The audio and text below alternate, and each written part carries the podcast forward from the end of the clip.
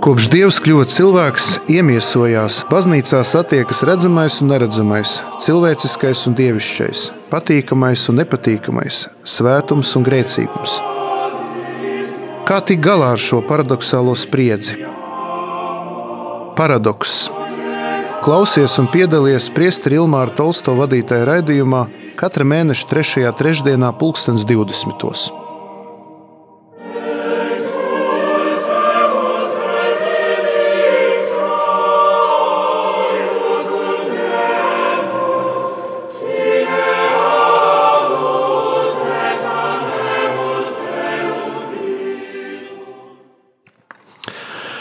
Slavēts Jēzus Kristus! Labvakar, radījuma arī Latvijas klausītāji.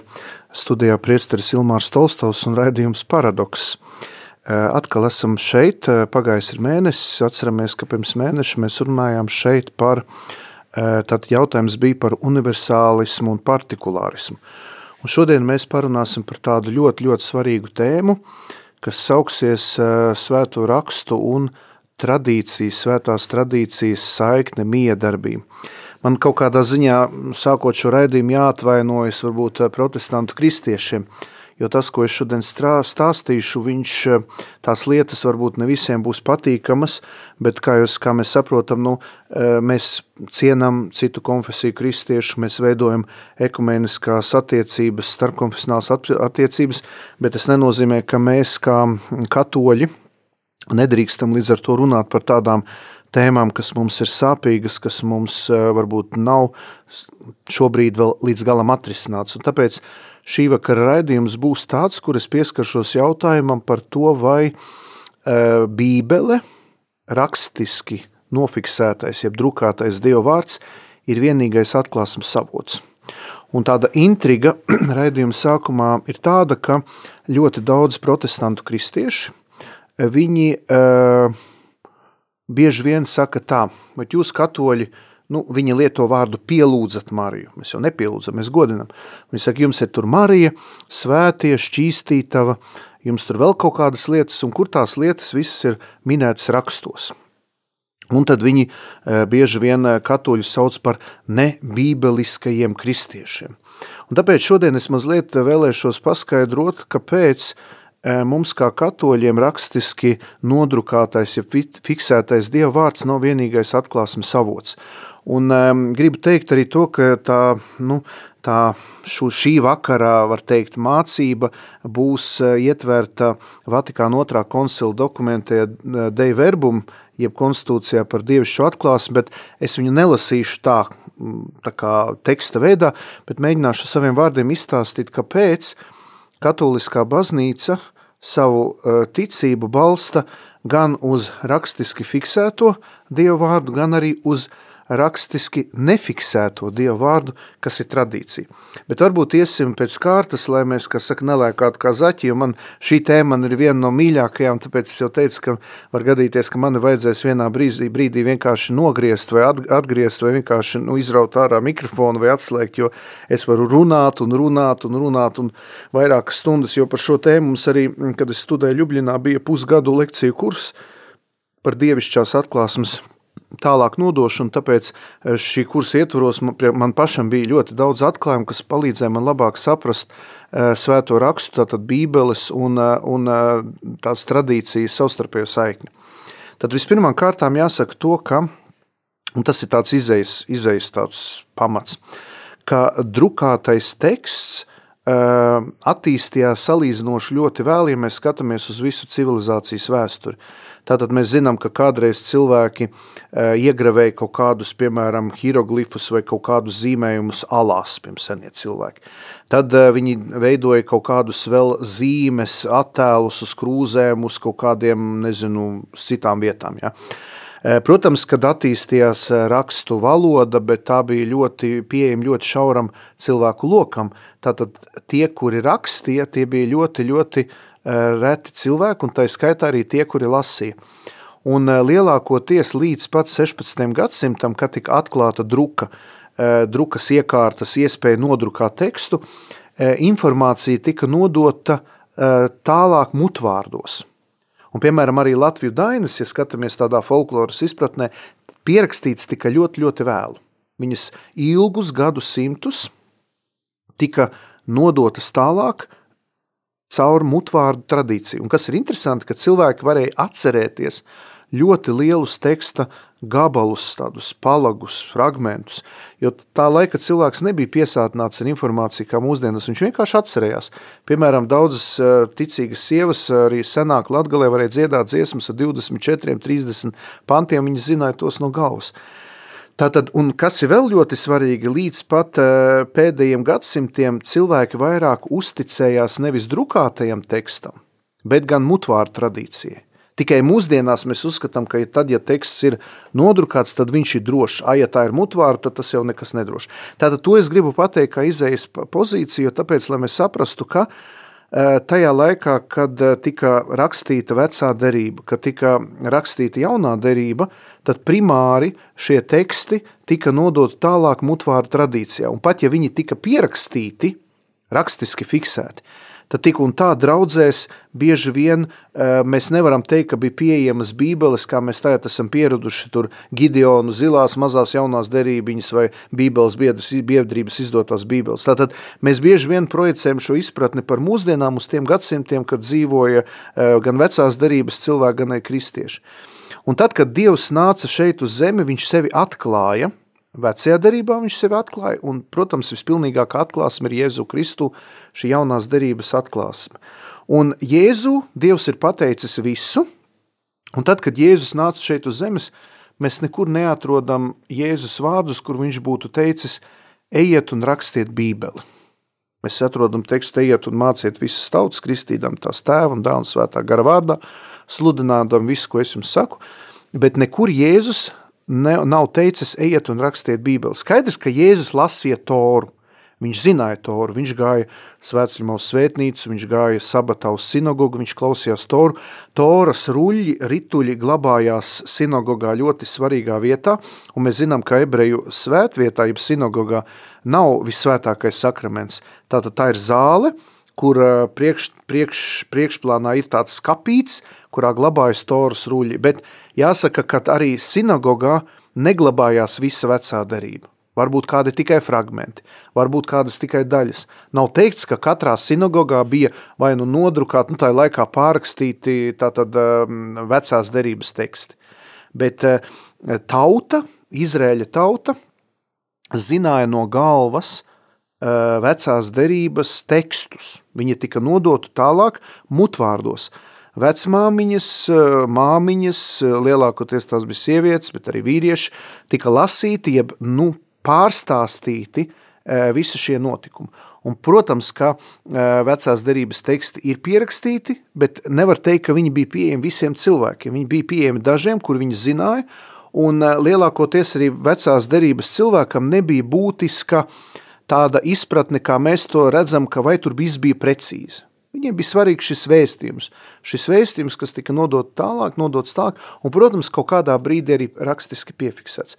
Tātad, tad, kad nāca Jēzus, viņš uh, sludināja ar vārdiem, ar darbiem, ar brīnumiem un arī ar savu personu. Un tad, kad Jēzus dzīvoja, praktiski neviens no apustuļiem vai mācekļiem vai evaņģēlistiem neko nepierakstīja. Pats Jēzus vienīgais, ko zīmē, tas bija uz smiltīm kaut kādus lietas, ko mēs nezinām, ko viņš zīmē, kad bija pieķerta šī sieviete, tātad, kuru gribēja nomētāt rakmiņam. Bet eh, līdz Jēzus pašai nāvei pie krustā, viņa goda pilnai augšām celšanās dienai, līdz pat viņa debes kāpšanai vasarsvētkiem, nekur nekas netika pierakstīts, nekur nekas netika rakstiski fiksēts. Un mēs redzam, ka Jēzus tātad, ehm, nu, 33 gadus dzīvoja, viņš tika piesis krustā, un e, pēc tam viņš augšām cēlās, atsūtīja, uzkāp debesīs, atsūtīja svēto garu un sūtīja savus mācekļus sludināt. Un pirmā grāmata, es, protams, neesmu egzegēts, e, es, es saku, es tā stāstu to, ko es zinu, bet varbūt kāds egzegēts tur var man vēl palabot. Pirmā grāmata ir pirmā vēstule tesaloniķiešiem, ko Pāvils uzraksta 54. gadā. Tas nozīmē no 33. gada, kaut arī jūs zināt, kad Jēzus dzimšana nenotika 0. gadā, bet mīnus 3. vai 4. gadā, tas būtu tēma atsevišķam raidījumam, kad tas cilvēks, kas pēc vairākiem gadu simtiem, nu, kuram deva uzdevumu šim mūkam noskaidrot Jēzus dzimšanu, jo vēlāk, kad Romas impērija kļuva kristīga, bija doma, ka nu, tā tad radās ideja, ka laiku sāk skaitīt no Kristus dzimšanas, tad viņš ir noskļūdījies trīs vai četrus gadus, līdz ar to ja mēs sakam, ka Jēzus dzimis 0. tad viņš īstenībā ir mīnus 3. vai 4. gadā dzimis, un līdz ar to viņa nāve ir 29. gadā pie, uh, un, un, un augšām celšanās 29. gadā pēc Kristus. Bet nu tātad 54. gadā pēc Kristus dzimst pirmā jaunās derības vēstule, evaņģēlī vēl nav uzrakstīti. Tā bija Pāvila vēstule tesaloniķiešiem. Un svētie raksti tātad dzimst no laika posmā no 54. gada līdz 100. gadam. Tajā brīdī tiek rakstītas ļoti intensīvas, ļoti intensīvi tiek rakstītas e, jaunās derības grāmatas, bet uzmanību tika rakstīti varbūt kādi pat 15 vai 20 evaņģēlī. Pāvilam varbūt bija vēstules vēl ļoti daudz, un ne visi teksti, kas tajos laikos tika rakstīti, iekļuva svēto rakstu grāmatu kanonā. Un varbūt mēs varam tagad iet mazā muzikālā pauzē, tādu kā intrigu, kā tad pirmo kristiešu baznīca noteica, kuras tad grāmatas ir iekļaujamas svēto rakstu kanonā, jeb tos grāmatu sarakstā, kuras ir svētā gar iedvesmots un kuras ne. Un par to eh, atbildu šo ieintriģējušo jautājumu mēs varēsim uzzināt tad, kad mēs eh, būsim atnākuši atpakaļ pēc muzikālās pauzes.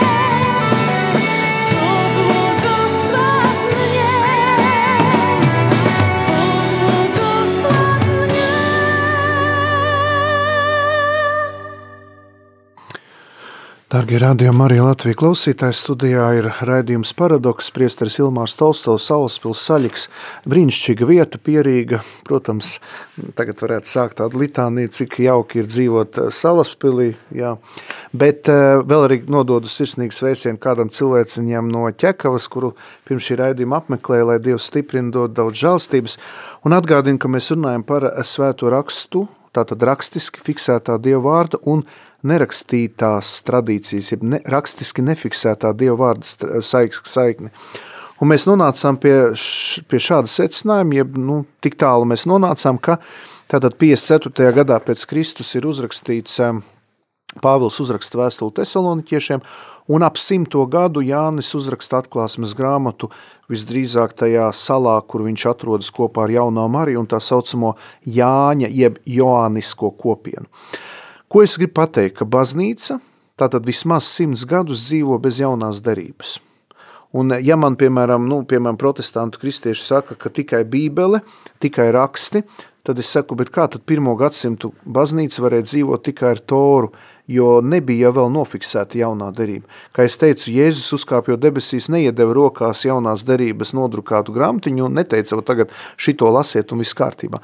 Un kas ir interesanti, ka tikai 3. gadsimtā ir tas saucamais moratorija kanons, kas ir atrasts, kur bija uzrakstītas tās grāmatas, kuras mēs tagad atrodam jaunajā derībā. Pie tam šajā kanonā bija klātesošs arī Hermas Gans, kurš bija zem jautājuma zīmes, un arī kaut kādā ziņā didahi.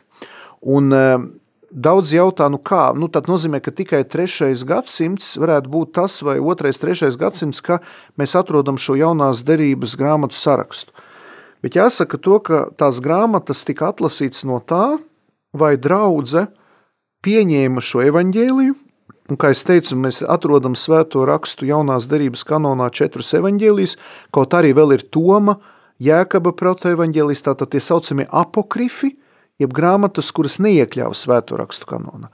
Un kas bija tas, jeb tā, kas tad noteica, kuras grāmatas iekļaut svēto rakstu kanonā? Tā bija baznīca – Un līdz pat 16. gadsimtam, līdz pat reformācijai, Romas katoliskajā baznīcē nebija nepieciešams oficiāli nosaukt, kuras tad grāmatas ir svēto rakstu kanonā. Mēs zinām, ka reformācijas rezultātā tā saucamās deuterokanoniskās grāmatas, jeb tās, kas tika rakstīts grieķu valodā, netika iekļautas protestantu bībeles izdevumā, un tagad arī, piemēram, Latvijas Bībeles biedrība, kad 2012. Eh, gadā izdeva šo jauno tulkojumu, tad ir pieejami divu veidu Bībeles izdevumi – ar deuterokanoniskām un bez.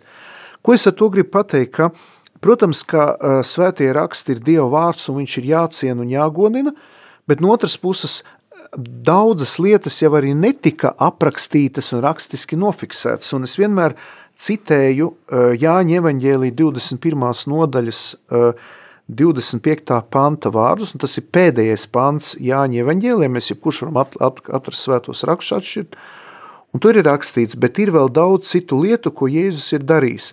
Ja visas tās pēc kārtas aprakstītu, tad man šķiet visa pasaule nevarētu uzņemt sarakstītās grāmatas. Tas nozīmē, ka pirmo gadsimtu baznīca un arī baznīca vispār uh, savu ticību balsta ne tikai uz tām uh, patiesībām, kas ir ietverts svētajos rakstos, bet arī uz tām patiesībām, kas nav konkrēti eh, skaidri uzrakstīts svētajos rakstos. Piemēram, mēs nekur bībelē neatrodam tādu tiešu norādi uz svētās trīsvienības dogmu jeb doktrīnu. Nekur nav teikts, ka ir eh, īsti Dievs tēvs, dēls un svētais gars. Mēs atrodam Pāvila vēstulēs visur, kur, kur ir minētas šīs eh, trīs, tātad šīs eh, trīsvienības personas, bet tādu konkrētu definīcijas mēs neatrodam. Un tāpēc jau arī pirmos gadsimtos sanāca koncili, tātad baznīcas tēvi, bīskapi, kas arī precizēja šo dievišķās atklāsmes izpratni un mēģināja to precīzāk noformulēt. Un līdz ar to, ja mēs uh, kaut kādā veidā ieslēdzam, ieslēdzam uh, un, un gribam dievišķo atklāsmi ieslēgt rakstiski fiksētajā vārdā, nu, drukātajā burtā, mēs varam ļoti ātri iekrist fundamentālismā. Jo ja mēs pasakam, ka Dievs ir ierobežots un viņu mēs ierobežojam nodrukātā bībeles izdevumā, tad Dieva vārds pazaudē savu uh, dzīvīgumu, savu spēku, savu uh, tādu svaidījumu, jo Dieva vārds nav drukāti uzrakstīts burts. Dieva vārds ir Jēzus Kristus, kurš mājo savā baznīcā, kurš mums ir atklājis sevi, tātad viņš pats ir atklāsme, viņš ir logos, viņš ir Dieva vārds, kas sevi atklāja caur divu veidu, varētu teikt, tradīcijām, jo jāsaprot, ka tradīcija, nerakstītā tradīcija bija vispirms, un tad tā tika uzrakstīta.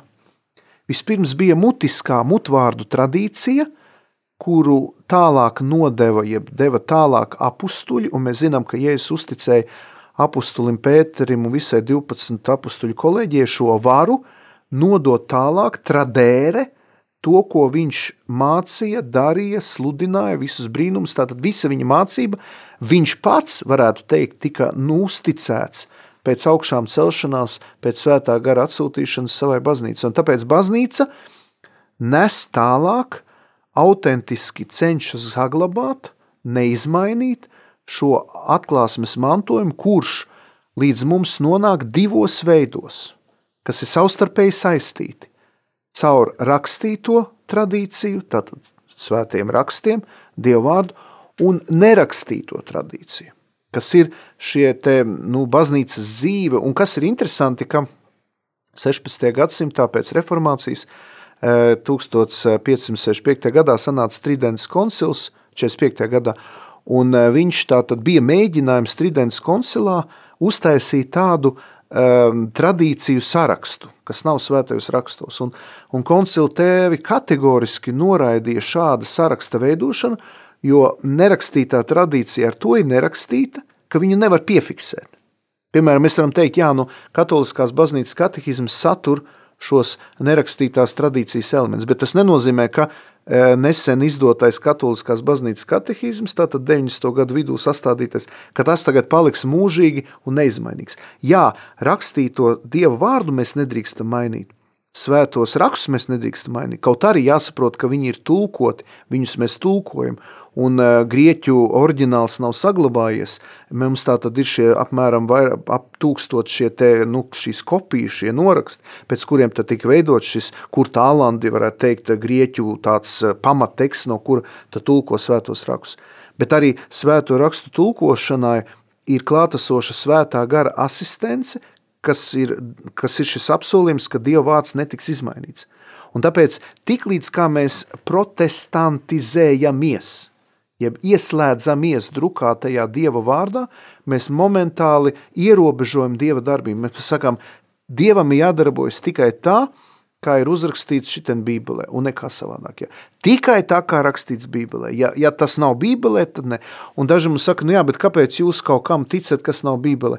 Mūsu mācība nedrīkst būt pretrunā svētiem rakstiem, bet es varu teikt, ka šī nerakstītā tradīcija, tā, kas bija pirms svētiem rakstiem, tā bija, kas bija pirms vēl Dieva vārds tika rakstiski fiksēts, tad jāsaprot, ka šī tradīcija nav pretrunā svētiem rakstiem, bet viņi viens otru, nu, kā saka, viņiem ir savstarpēja miedarbība. Un Dieva vārds savu spēku, godību, klātbūtni, viņš iegūst baznīcā. Ārpus baznīcas izņemti svētie raksti, Dieva vārds momentāli kļūst sektantisks, un arī fundamentālistisks. Un fundamentālisms mūsdienās ļoti izpaužās, piemēram, saistībā ar antivakseru kustību. Ja, tas ļoti labi redzams. Tad cilvēki paņem atklāsmes grāmatu un momentāli viņu komentē, skaidro tā, kā viņiem ienāk prātā.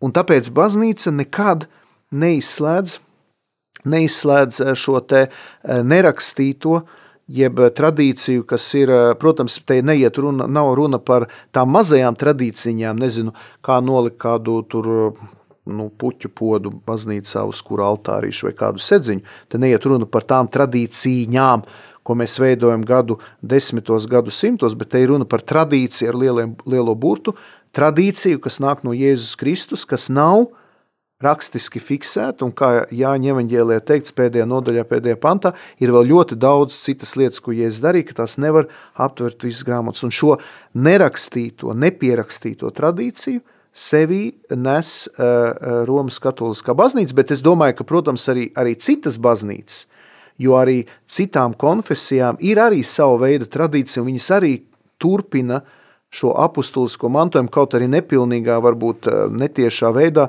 turpina to nest. Es domāju, ka mums ir pienācis laiks atkal kādai muzikālai pauzē, un es atgādināšu, ka jūs varat arī zvanīt uz studiju uz eh, tālruņa numuru 67 969 131. Atkārtoju tālruņa numuru 67 96 9131 un eh, tātad zvanīt un arī sūtīt izziņas uz numuru 266 77 272, tātad izziņas uz numuru 266 77 272. Labprāt atbildēšu uz kādiem jūsu jautājumiem, gan zvanot, gan arī uz īsiņām.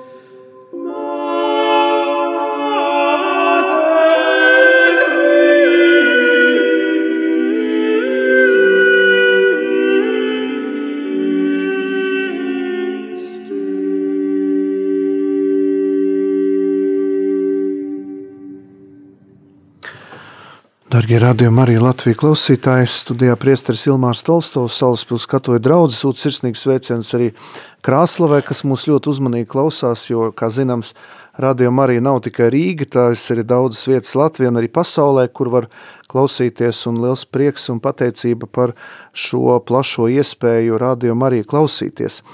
Atgādinu, ka mēs eh, runājam par eh, dievišķās atklāsmes tālāk nodošanu divos veidos – caur eh, rakstīto un nerakstīto tradīciju, starp dievišķo tradīciju un svēto rakstu savstarpējo miedarbību un lomu. Eh, varbūt tie, kas klausās, būtu tie, kas klausās kā nekatoji, viņi jūtas tā drusku abēdināt, ka es tāds drusiņi tā kā uzbraucu uz, uz, uz protestantu kristiešiem. Es nekādā ziņā to negribu darīt, jo arī tie cilvēki, kuri um, atzīst tikai un vienīgi svēto rakstu autoritāti, uh, Es negribētu teikt, ka viņi ir mazāk eh, ticīgi vai mazāk svētāki kristieši, un ļoti daudz cilvēku, kuri dzīvo pēc Bībeles, jeb Dieva vārda, viņi patiešām piedzīvo dziļu tuvību ar Dievu, un es domāju, ka mums kā katoļiem ir ļoti jā, nu, jāintensificē, mums intensīvāk jālasa Dieva vārds, ka mēs varbūt esam tik ļoti aizraujušies ar šo nerakstīto tradīciju, ar, tām, ar to tradīciju, kas varbūt nav rakstiski fiksēta, un mēs esam kaut kādā veidā aizmirsuši par Bībeli, un, un, un nepā, nu, nav mums šīs pārdomas.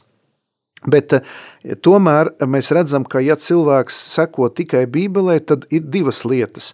Viens, ka viņš sāk apkarot visu, kas ir tas saucamais nebībeliskais, Un tur, seku, tur var, sākt, nu, var sākties bīstamība, jo beigu beigās viņi šie tā saucamie bībeliskie kristieši sāk apkarot mūs kā katoļus, kā nebībeliskus, bet beigās viņi apkaro lietas, kuras bija klātesošas baznīcā pirmajos gadsimtos, ar ko dzīvoja pirmkristiešu baznīca, un tas ir ļoti dīvaini, jo man liekas, ka apustulis Pāvils būtu ļoti dusmīgs, vai Jānis, kurš saka, ka bija vēl daudz lietas, ko Jēzus darīja. Tātad no, no, nozīmē, ka cilvēks, kurš it kā nu, cīnās par eh, bībelisko tīro ticību, sāk uzbrukt tradīcijai, kur nāk no pirmiem gadsimtiem. Tad tā ir viena lieta, bet otra lieta, arī daudzi protestantu kristieši it kā sekojot bībeliskām lietām, paši jau laikam ejot izveido savas tradīcijas, kuras gan tad nav saistītas ar pirmo, ar pirmo gadsimtu tradīciju, bet tad jau nāk šie uzslāņojumi, šie traucēkļi, šie, šie cilvēciskie elementi, kuri tad sāka veidot tādu simbiozi, jeb sajūkšanos ar Dievu vārdu un radīt ļoti kroplas sektantiskas formas. Ja. Un tas mani paši ļoti uztrauc, jo tie cilvēki, kuri nonāk šādās, arī var teikt, destruktīvās sektās, viņi, nu, viņu dzīves tiek paralizēts. Ja. Mēs redzam šo neseno, neseno gadījumu par, par kādu draudzi Jelgavā, kuri atteicās no uh, dzemdību speciālistas palīdzības un uh, bērniņš nomira dzemdībās. Ja. Tad veidojas destrukcijas, veidojas kaut kādas mācības idejas, kuras ir absolūti nesaskanīgas ar to, ko vēlējies Kristus. Tā kā šeit, protams, ir, nu, mūsu gadījumā, es vēlreiz saku, mēs varbūt esam laika gaitā aizmirsuši par svētajiem rakstiem, bet, bet es vēl gribu arī piebilst ļoti svarīgu lietu, ka tad tajos laikos, kad cilvēki bija analfabēti, nemācēja rakstīt un lasīt, tad vienīgais veids, kā viņi varēja dzirdēt Dievu vārdu, tas bija sprediķis, tas bija lasījums baznīcā, un Dieva vārda eh, tālāk nodošanu realizē eh, seno baznīcu arhitektūra. Piemēram, Šartras, mm, tātad vitrāžas, Šartras baznīcas vitrāžas Francijā attēlo gandrīz visu um, nu, katehizmu vai ticības galvenās patiesības. Tad jāsaprot, ka tajos laikos, kas bija pirms reformācijas, un mēs zinām, ka, e, piemēram, reformācija pārmet to, ka katoļi it kā ir slēpuši bībeli, nav devuši cilvēkiem dievu vārdu, bet jāsaprot, ka tajā laikā cilvēki nemācēja ne lasīt, ne rakstīt, viņiem nebija tādas iespējas. Tātad baznīca caur liturģisko mūziku, caur mākslu, caur um, dziesmām, reliģiskām dziesmām, nodeva tālāk, jeb bija šis tradēra, jeb dievišķās atklāsmes tālāk nodošana. Tātad tas ir ļoti, ļoti svarīgs aspekts. Mums laikam ir kāds jautājums. Uh, šis, ja? Jā. Tātad slavēts Kristus, šī atklāsmes interpretētāja plaši izplatīta arī starp katoļiem, sevišķi sāpīgi, kā arī starp priestriem. Kā to var komentēt? Uh, Nu, es negribu sākt kādu kritizēt vai nosodīt, bet jāsaprot to, ka mēs, kā katoliskā baznīca Latvijā, atrodamies starp ļoti daudziem eh, brāļiem, māsām, protestantiem. Kaut kādā ziņā, varbūt tāpēc arī es vēlos šo raidījumu eh, paradoksus arī veidot, lai skaidrotu tās mūsu ticības pamatlietas, jo eh, bieži vien mēs tiekam ietekmēti un tāpēc nenosodot protestantu kristiešus, ne, nenosodot viņu domāšanas veidu vai viņu to vēlmi pēc, kā es saku, šīs bibliskās ticības tīrības, eh, mums tomēr jāapzinās, ka mums ir arī šis avots, kas tradīcija, kuru eh, pateicoties svētā gara asistencē un arī apustuliskai sukcesijai. Tas svešvārds, ko nozīmē sukcesija, tas nozīmē tāda eh, caur bīskapu roku uzlikšanu, Dievs garantē, ka cauri gadsimtiem baznīca nekļūdīsies. Tātad visa baznīca ir nemaldīga. Pāvests ir nemaldīgs, īpašos gadījumos, ka viņš eks katedra pasludina kādu dogmatisku patiecību saistībā ar ticības morāles jautājumiem, un visa baznīca ir nemaldīga. Tātad caur bīskapu roku uzlikšanu tiek nodota tālāk šī, šī svētība, jeb šī žēlstība, ka Dievs garantē, ka caur baznīcu – tiks sludināts autentiskais Dieva vārds, dievišķa atklāsme, gan rakstiskā veidā, tātad uzrakstīti, nofiksēti svētajos rakstos, gan arī nerakstītā veidā caur uh, tradīciju, kas, ir šī, kas nāk pie mums no apustuļu laikiem, šī apustuliskā tradīcija. Un tā ir tā svētā gara asistence. Tas ir ļoti jāatcerās, jo dažreiz mēs dzirdam tādus apgalvojumus, ka, piemēram, pāvis Francisks ir herētiķis. Jā ja kāds katolis kaut ko tādu var pateikt vai domāt, viņš patiesībā sevi ar šiem vārdiem izslēdz no baznīcas. Ja? Vai, piemēram, vairākums baznīcas bīskapi ir iekrituši maldos. Baznīcā nedarbojas uh, saimas princips parlamenta, vairākums vai mazākums. Ir bijuši gadsimti, piemēram, Arija, Ārija, Arijāņu krīzes laikā, kad bija apšaubīta tā tad Jēzus patiesā dievišķā un cilvēciskā daba, viņš tika padarīts mazliet zemāks par tevu, vairākums katolisko bīskapu iekrita šajā herēzē, un pateicoties svētiem atanāzijām, dažiem citiem arī maniem labiem draugiem, tā, tā laika bīskapiem, kur arī nu, nu, tika aizsūtīti izsūtījumā, cieta par to, bet tas mazākums ārija krīzes laikā iznes katolisko ticību. Tāpēc nevajag uz baznīcu raudzīties no vairākuma vai mazākuma principa. Baznīcas mācība e, tiek nodota tālāk caur likumīgi ievēlētu pāvestu vienotībā ar visas pasaules biskupiem, un tā ir šī garantija. Un tāpēc eh, tiklīdz mēs sākam domāt tādā, tādā, nu, tādās kategorijās, kā piemēram Vatikāna koncilā, kad ir progresisti, regresisti, integristi un, un modernisti, ja, tas ir eh, ļoti nepareizs domāšanas veids. Baznīcā šāda domāšana nepastāv. Ja. Tas ir ļoti nepareizs domāšanas veids, jo baznīca, saku, tā nav politiska partija, tas nav parlaments, mēs neveicam referendumus, un pat ja šobrīd sinodālā ceļa ietvaros tiek aptaujā ticīgie, tas nenozīmē, ka balstoties uz šīm aptaujām tiks izmainīta baznīcas mācība, ja? ka tiks izmainīta bībele, Dieva vārds vai apustuliskā tradīcija. Tā kā šeit mēs redzam, ka ārpus baznīcas Dieva vārds zaudē savu spēku, viņš kļūst par jā, varētu pat teikt par fundamentālistisku ieroci e, cilvēku rokās, kas var pagriezt viņu kā viņi grib, un līdz ar to e, mēs redzam, ka baznīca ir tā, kas ir kā māte, kuras klēpī mēs esam, kura nodrošina, ka šī e, dievišķa atklāsme tiks nodot tālāk. Tā kā to būtu ļoti svarīgi uz, uzsvērt, ka ne jau mēs esam tie, kas veidojam atklāsmi, ne jau mēs esam tie, kas esam uh, Eh, bībeles interpretātori, vai arī ne jau mēs esam tie, kas nosakam, kāda ir jābūt baznīcas mācībai. Ja. Dažreiz cilvēki domā, ka tagad bīskapi sanāks, nobalsos, o, priesteri var precēties. Hops, bīskapi sanāks, izdomās kaut ko tur vēl kaut ko atcelt kādu bauslie. Mē, eh, baznīcas pāvesti, bīskapi, priesteri nav eh, saimnieki pār baznīcas mācību. Mēs esam pazemīgi baznīcas mācības kalpi, kas caur kontemplāciju, caur meditāciju, caur dziļām pārdomām, caur arī teoloģiskām studijām cenšamies uh, atklāt to, ko Dievs ir vēlējies mums atklāt. Nevis izdomāt kādas jaunas mācības, nevis sekot visādām vīzijām, vizionāriem, nevis domāt par trim tumsas dienām, ka tagad jāpērk griķi vai makaroni vai kas jāizklāj loga ciet un jāgaida trīs tumsības dienas, bet tieši otrādi mēs mēģinām uh, saprast, ko Dievs ir vēlējies pateikt caur caur Dieva vārdu, caur svētiem rakstiem, protams, caur šo apustulisko tradīciju. Mēs varētu atkal doties kādā muzikālā pauzē, un tad tālāk mēs jau pārunāsim sīkāk, kāda tad ir šī, šīs attiecības starp tradīciju un svētiem rakstiem.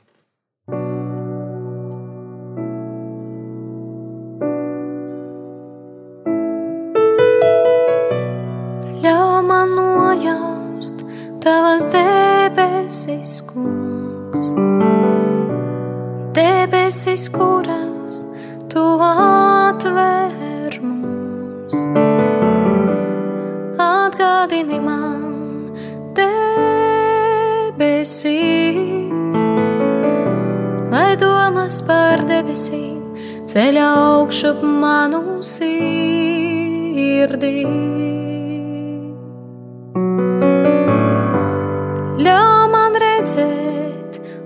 Piepildīt.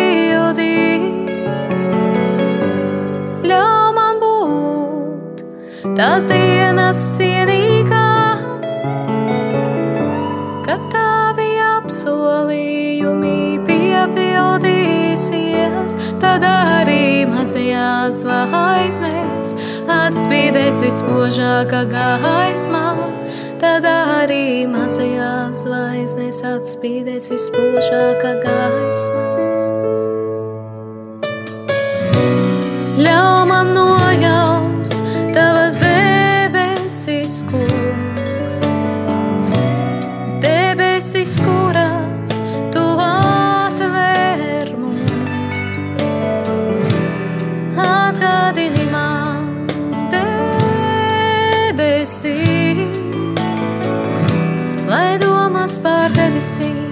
Ceļa augšu manu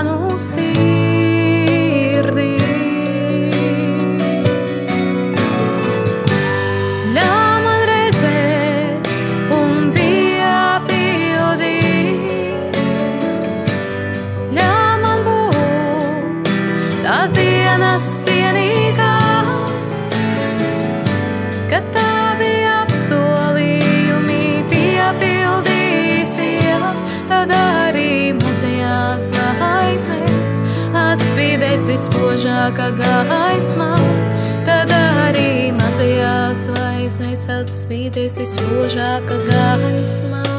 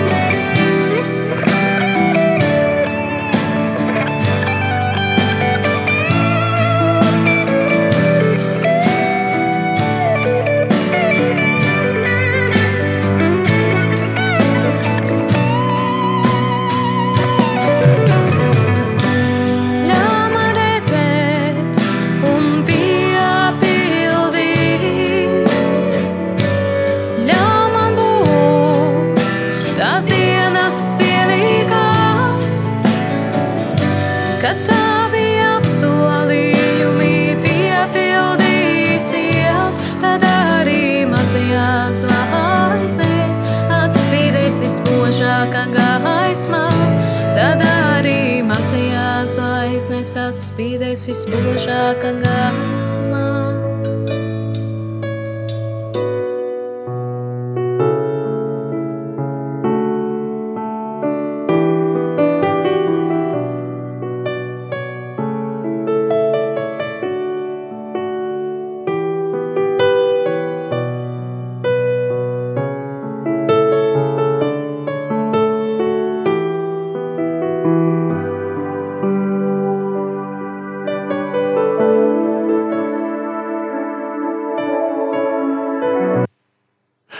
Dargie rādījumi arī Latvijas klausītāji, atgādinu, ka jūs klausāties vienreizēm brīnišķīgu raidījumu paradoksu, ko vada priesteris Ilmārs Tolstovs no Salaspils.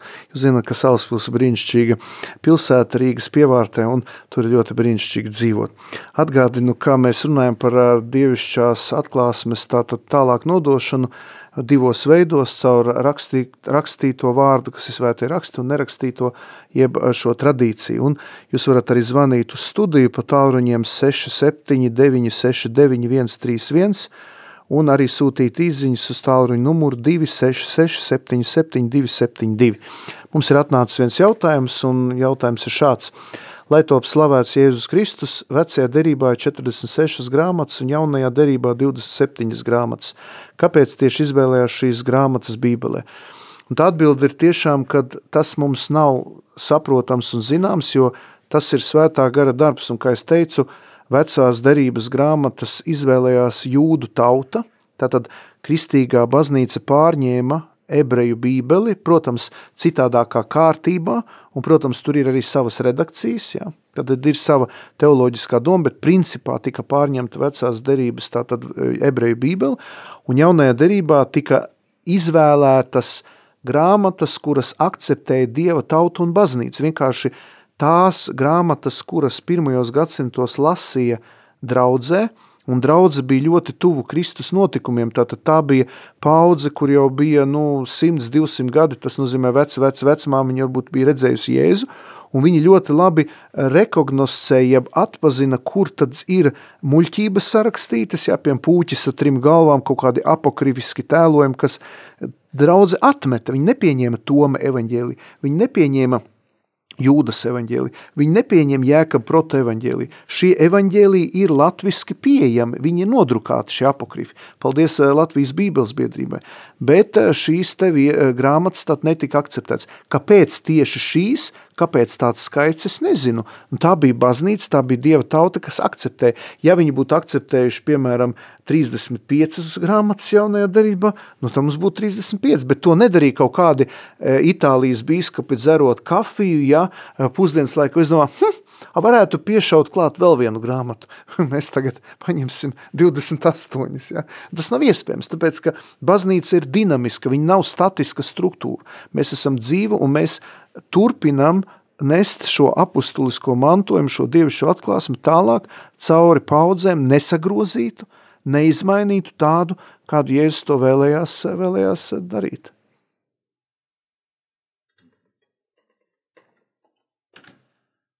Priester Ilmāra, tā kā man te ir izdevība tev blakus arī uzdot jautājumu, runāja par šo nefiksēto tradīciju, par apustulisko tradīciju, kas nāk no pirmajiem gadsimtiem, un ka vēlāk ir šīs briesmas, ka veidojas uzslāņojumi, ka cilvēki izveido, tā kā apaudzē šo tradīciju un tā kā cilvēcisko ieliek iekšā, kas veido kaut kādus izkropļojumus. Tad mēs zinām baznīcas vēsturē, ka cauri gadsimtiem ir notikuši daudz dažādi koncili, kur ir pieņemti dažādi dokumenti, dažādas dogmas un patiesības, kas jāpieņem, vai šie visi arī skaitās kā tādi uzslāņojumi šai apustuliskai tradīcijai, vai tas iekļaujās kaut kādā veidā iekšā? Jā, nu šeit ir tā problēma, par ko es gribu arī parunāt, un varbūt tie, kuri pārstāv tādus, es viņus saucu par lefevristiem, tridentistiem, tradicionālistiem, viņi nabadziņi vēlās baznīcas tradīciju iesaldēt. Viņi izdomājuši, ka Tridents koncils bija pats krūtākais, ka pāvests Pīs V, kurš reformēja Romas misāli un unificēja un daudzus nabaga partikulāros ritus nolikvidēja, jeb samazināja un izveidoja vienu unificētu ritu, es saprotu, 16. gadsimts protestantisma draudi vajadzēja unificēties. Protams, Vatikāna pirmais koncils bija šīs unifikācijas, kā saka, kulminācija, kurš pats vardarbīgi tika pārtraukts. Bet ko es gribu teikt, ka lasiet svēto kardinālu ņūmenu, Ja? Lasiet par viņa slavenāko darbu, par die, doktrīnas attīstību. Ja? Jo dažreiz mēs, piemēram, uzbrūkot modernismam, jeb domājot, ka tagad baznīca kaut ko reformējot, kļūst reformāt, reformātiska, jeb protestantiska un tā tālāk. Un redziet, piemēram, ko darīja Vatikāna otrais koncils, viņš pārskatīja šo atklāsmes mantojumu un veica tādu revīziju. Jo vēlreiz saku, šī tradīcija, viņa nav mirusi, viņa ir dzīva, un viņa nav kaut kur piefiksēta, pierakstīta, nemainīga un kaut kāda, kuru nedrīkst nekad mainīt. Tāpat nabaga tā Romas misāla. Nu, es cienu tos cilvēkus, kuriem patīk tā tridents misija, ja, bet tā svētā mise gadsimtu gaidā bija tā apaugusa visādām liekām lietām, ka teologi studējot īpaši Justīna šo te svētā Justīna aprakstu par e, apoloģijas par to, kā kristieši sapulcējās dies soli, tad saules dienā un, un pulcējās uz maizes laušanu, eh, tika skaidri saprast, ka tāda mise, kādu apstiprināja Pīs piektais, un tā nav bijusi eh, Jēzus laikos. Nu, Jēzus nestaigā ar manipulu un, un nebija viņam tādās cakainās komžās kā aizkariņi, ja, un necilāja tur augšā tos vārkus. Un es ļoti mīlu latiņu valodu, ja, bet tajā vēl laikā arī runāja aramiešu un grieķu valodā. Nu, nav tā, ka latiņu valoda būtu, viņi ir, protams, baznīcas valoda, un to arī uzsver Vatikāna otrais koncils, bet tas nenozīmē, ka eh, baznīca visos laikos es runāju tikai latīniski. Ja? Tā kā es negribu iet tagad sīkākās detaļās, tad noteikti izceltos strīdus un man uz manā, manā virzienā lidot kāda akmeņa vai ķieģeļa gabaliņa, es saprotu, bet es to nevaru izturēt, ka kāds grib mūsu skaisto baznīcu, kura ir dinamiska kopiena, kura ir dzīva, kur ir kā Kristus līgava, kā, kā, kā, nezinu, kā avju aploks, kas ir sapulcinātās Dieva tauta kahāla jakve, ka kāds grib šo mūsu skaisto baznīcu padarīt par, par muzeja eksponātu, par stīvu kaut kādu tikai pieminekli vai kaut kādu tur nemainīgu struktūru. Ja? Nu, tā nav, un, un mums jābūt gataviem, ka caur īpaši caur ekumeniskiem konciliem, caur pāvestu mācībām mēs tiekam vesti, un, un nav tā, ka tagad ar Vatikānu otro koncilu baznīcu baznīca sajukus, sabrukus un, un pārtraukus seko tradīcijai un tā tālāk. Tas ir pilnīgi smuļķības, ja? jo nedrīkst eh, glorificēt jeb eh, padarīt par kaut kādu, nezinu, vienu kaut kādu gadsimtu, uzskatīt, ka tas ir, lūk, ir īstais katoliskais pareizais gadsimts. A visi pārējie pirms Tridents koncila un, un pēc Tridents koncila būtu eh, kaut kāda nepareiza. Tā kā te ir ļoti jābūt uzmanīgiem un labi jāpārzina, to sauc par diahronisko hermeneutiku. Lasiet arī ne tikai kardinālu Ronaldu Ņūmenu, tas ir mans favorīts, bet arī uh, Ratzingeru, Benediktu 16. Man ir tā žēlstība, ka man, pie manis ir visi, nu, kas tagad ir izdoti poļu valodā, viņi kopotie raksti, opera omnija, un arī savu disertāciju, var teikt, balstīju uz viņu kopotiem rakstiem, tad viņš runā par šo diahronisko hermeneutiku. Tas nozīmē, ka baznīcas mācība ir vienota gan telpā, gan laikā.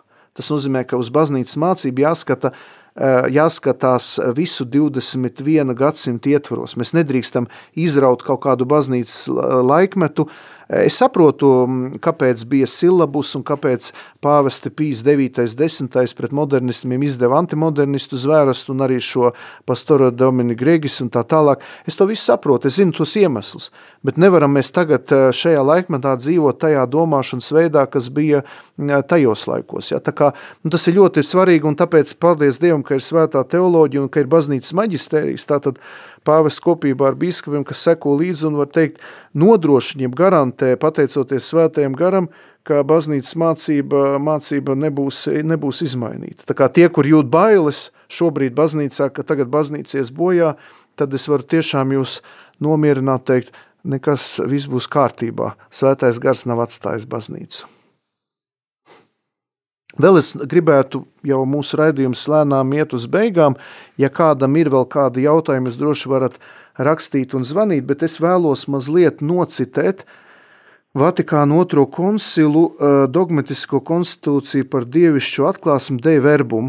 Ļoti svarīga konstitūcija, viena no četrām konstitūcijām, un tur ir 9. un 10. numurs, kurš runā par svētās tradīcijas un svēto rakstu savstarpēju miedarbību. Un koncils saka, un tagad es citēšu burtiski koncilu, jo tie ir tik svarīgi vārdi, ka viņi vienkārši ir jādzird. Tātad svētā tradīcija un svētie raksti ir cieši saistīti un atrodu, atrodas savstarpējā miedarbībā. Tie abi izplūzdami no viena un tā paša dievišķa avota, savā ziņā kopā veido vienu veselumu un tiecas uz vienu un to pašu mērķi.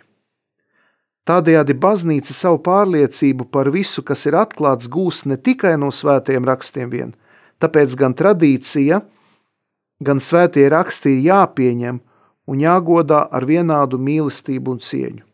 Un desmitajā numurā svētā tradīcija un svētie raksti veido vienu vienīgu un svētu Dieva vārda mantojumu, kas uzticēts baznīcai.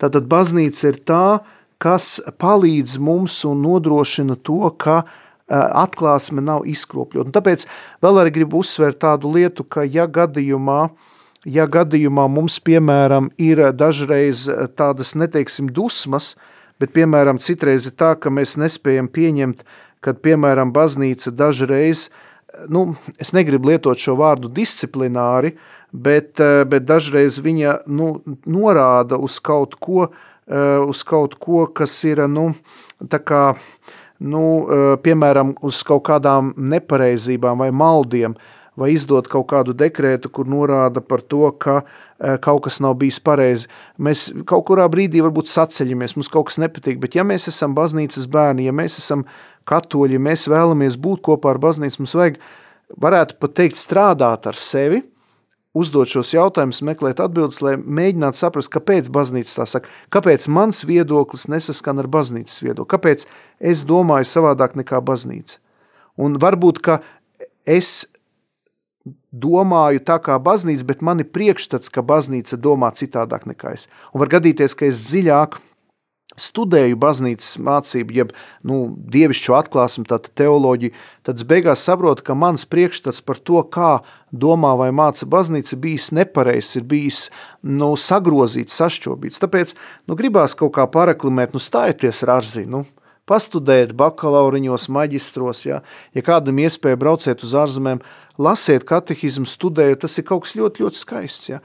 Baznīcas teoloģija, baznīcas mācības skaists, lasiet pāvestu dokumentus, lasiet Vatikānu otro koncilu, nebaidieties padziļināt savu ticību. Kādreiz mums bija, nezinu, kur viņa tā ir palikusi, vajadzēs kādam pajautāt, mums bija tāds um, TPP. Zinu, kas ir TPP? Ticības padziļināšanas programma kādreiz no Rarzī brauca tādas brigādes pa draudzēm un mēģināja padziļināt ticību. Nu, laikam brauca, brauca, kamēr degviela izbeidzās. Ja, ticības padziļināšanas programma. Ja. Varbūt var pieliet degvielu un atkal braukt. Un tas bija ļoti laba iniciatīva, kad, piemēram, no Rārzī vai no semināra vai no kukrinas citurienes brauca vai no profesori pasniedzēja arī 90. gados ļoti daudzi arī semināra un katehētikas institūta pasniedzēja brauc uz draudzēm, vadīja rekolekcijas. Vajag dalīties ar to, kas mums ir šīm zināšanām ar baznīcas mācību. Jā. Tā kā jau mūsu raidījums iet uz beigām, vēlos arī teikt lielu paldies Radio Marija visiem palīgiem, kas mums palīdz, un arī novēlu klausītājiem lai mēs nebaidamies no savas katoliskās ticības, lai mēs drosmīgi to aizstāvam, padziļinam, bet arī, protams, mēģinam saprast, kāpēc protestantu vai citu konfesiju kristieši domā savādāk, kāpēc viņi tic savādāk. Un decembrī mēs tiksimies atkal, atkal kurā trešdienā, trešajā trešdienā, es nezinu, kas tas ir pa datumu, mēs tiksimies un būs tāda tēma ekstra eklēzija nulla salus est. Tas ir ārpus baznīcas, nav pestīšanas. Tad apstīsimies, kā var būt vienlaicīgi, ka katolu, katoliskajā baznīcā ir pestīšanas elementu pilnība un uh, citās konfesijās arī ir kādi pestīšanas elementi. Un mājas darbs izlasīt uh, ticības doktrīnas kongregācijas dokumentu Dominus Jēzus.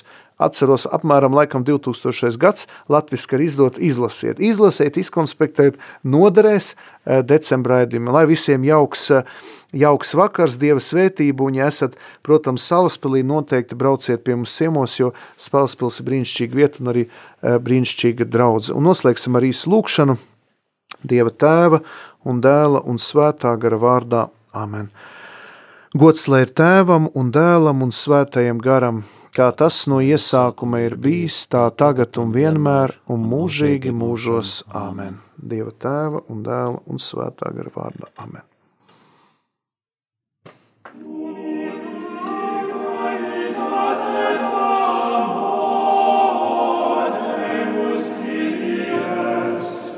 Kopš Dievs kļuva cilvēks, iemiesojās, baznīcā satiekas redzamais un neredzamais, cilvēciskais un dievišķais, patīkamais un nepatīkamais, svētums un grēcīgums. Kā tikt galā ar šo paradoxālo spriedzi? Paradoks. Klausies un piedalies Priesteri Ilmāra Tolsto vadītajā raidījumā katra mēneša 3. trešdienā, 2020.